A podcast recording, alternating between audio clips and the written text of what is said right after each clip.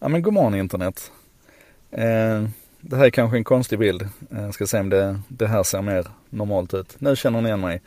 Eh, jag befinner mig alltså fortfarande i Australien eh, och är ute på, på landsbygden här nu och tänkte jag skulle önska er god morgon med en liten, eh, ett, så här, man har frågat mig varför jag är så fascinerad av Formel 1. Och ett av skälen är egentligen att jag är fascinerad av allting där, vad ska man säga, all utveckling där vi, där vi ligger på spets, där vi ligger i framkant. För det är den utvecklingen som, som sen kommer ner och, och blir till nyttig för, för oss i vardagen. Oftast i alla fall. Eh, det klassiska exemplet brukar ju vara Apollo-programmet som gav oss bland annat tempurmadrassen och, och kardborre. Så att det var inte bara så att vi satte liksom ett antal gubbar på månen utan vi fick en massa bonuseffekter också. Och så är det med den extrema bilsporten också. Ehm, bara som ett, ett, par korta exempel så här. Allting som har med moderna däck att göra idag kommer ifrån bilsporten. Skivbromsarna började i den avancerade bilsporten och nu på senare tid så har man arbetat mycket med beläggningarna på, på broms, bromsklossarna. Så att, eller på bromsbackarna, så att eh, Nej, det heter faktiskt bromsklossar. Ehm, så att de blir miljövänliga. Ehm, och det här bromsdammet som tidigare var väldigt, väldigt farligt. Vi har haft liksom asbestperioden här också. Och nu är man, nu är man nere på, på bromsar som är otroligt miljövänliga. Vi har fått den aktiva fjädringen därifrån. Vi har fått Kersen, som det kallas. K-E-R-S, som alltså är energiåtervinning som vi idag hittar i nästan alla stadsbussar.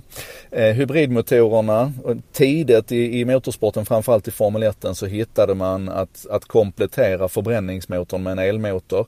Och nu har det gått så långt att man har en hel klass som bara handlar om elmotorer. Formula E, kolla på det, det är, det är toppenhäftigt. Vi har en duktig svensk som kör där nu också. Den sekventiella växellådan, DRSen, det här antislirsystemet kommer naturligtvis ifrån den avancerade bilsporten. Enklare grejer, eller så banalare grejer kanske som multifunktionsratten och att vi, att vi trycker på en startknapp istället för att vrida runt en nyckel kommer naturligtvis därifrån. Till och med backspegeln har sitt ursprung i Indy 500. Um, aerodynamik som sänker bränsleförbrukningen och ger bättre miljö och så vidare. Kolfiber håller nu på, alltså började verkligen på allvar ta fart i, i, bilen, i, i den avancerade bilsporten och nu är det en del av de flesta bilar idag. Och säkerheten överhuvudtaget är någonting där, jag, jag vill nog påstå att Formel 1 har gjort lika mycket för säkerheten som Volvo gjorde med bilbältet en gång i tiden. Och idag kan du i praktiken ta en sån här formelbil och köra i 300 km i timmen rakt in i en betongmur och så kliva ut där därifrån oskadd. Och all den utvecklingen den tar vi med oss in i vardagsbilstillverkningen också oavsett om vi pratar om moderna självkörande bilar eller om vi pratar om, om mer traditionella bilar. Um, och det här är också då det som är, det som är nytt för i år i, i Formel 1, det är att, att man har utrustat förarna med handskar med biometriska sensorer i, så att du kan alltså avläsa syremättnaden i blodet i handskarna. Och det här är för att i vissa olyckor så har det, har det visat sig föraren har blivit begravd under, under lager av bråte och tappar du radiokommunikationen så vet du inte hur statusen är med den här föraren.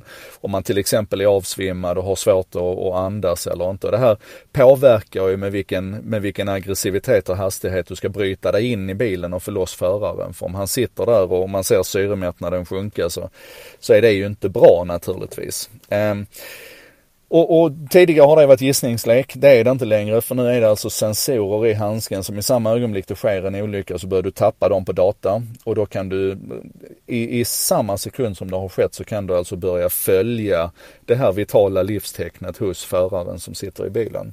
Och det här är bara början. Redan nu så är det klart att nästa år så kommer man att, att ha fler sensorer i handskarna så att du kommer att mäta även temperatur och, eh, och eh, hjärtrytm och sådana saker.